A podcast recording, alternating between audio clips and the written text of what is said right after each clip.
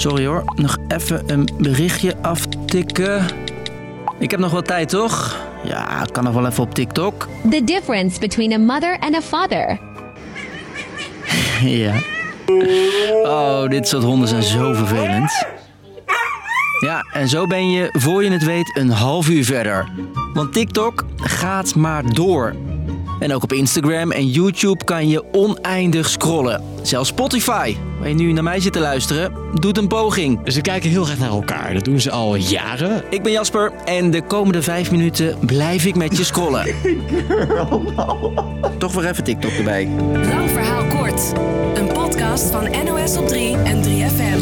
I really wish you would stop. Zo, nu is het echt klaar.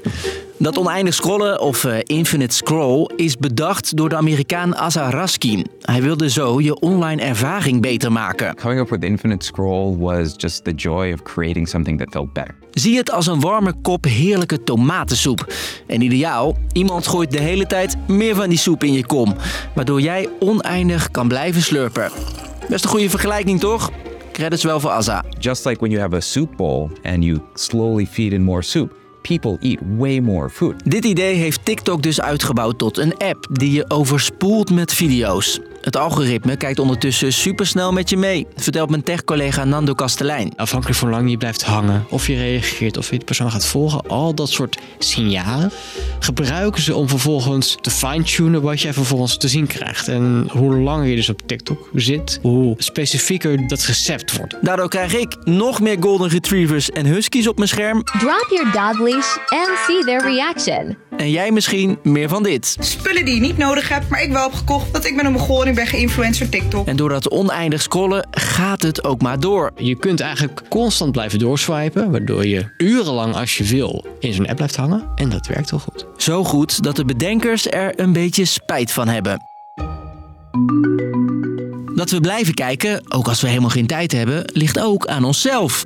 Als we eigenlijk kijken vanuit een evolutionair perspectief, dan eh, zie je dat exploreren heel erg belangrijk is geweest. Je hoort neuropsycholoog Judith Schoonmaker. Volgens haar is het ontdekken van nieuwe dingen een soort oerbehoefte. Op het moment dat we ergens leefden en er waren geen voedselbronnen meer, dan was het belangrijk dat we toch even een gebiedje verder gingen kijken of daar nog wat te halen viel. En juist als het onzeker is of je behoefte wordt vervuld, is de beloning groter. En je ziet dat social media daar heel slim ook op inspeelt. Hè? Dat op het moment dat je gaat scrollen, weet je niet wat er gaat komen, maar mogelijk gaat er iets heel leuks komen. En als je dan eenmaal die leuke hondenfilmpjes hebt ontdekt, mijn baby.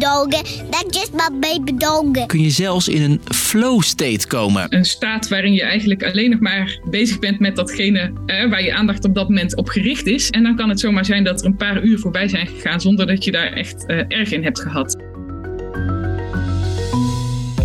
Niet alleen op TikTok, ook door YouTube en Instagram kan je oneindig scrollen. En volgens mijn collega Nando is dit niet de eerste keer dat apps Ctrl-C, Ctrl-V gebruiken. Een heel eh, bekend voorbeeld is dat Snapchat eh jaren terug alweer stories introduceerde. Hè? En dat bleek ook een groot succes op Instagram. En zodanig dat ze mensen misschien wel voor zich hebben behouden. Techbedrijven kijken continu naar de concurrentie. Betekent niet dat alles wat ze kopiëren ook meteen werkt. Denk bijvoorbeeld aan Twitter of WhatsApp. Hoe vaak heb je daar een story geplaatst?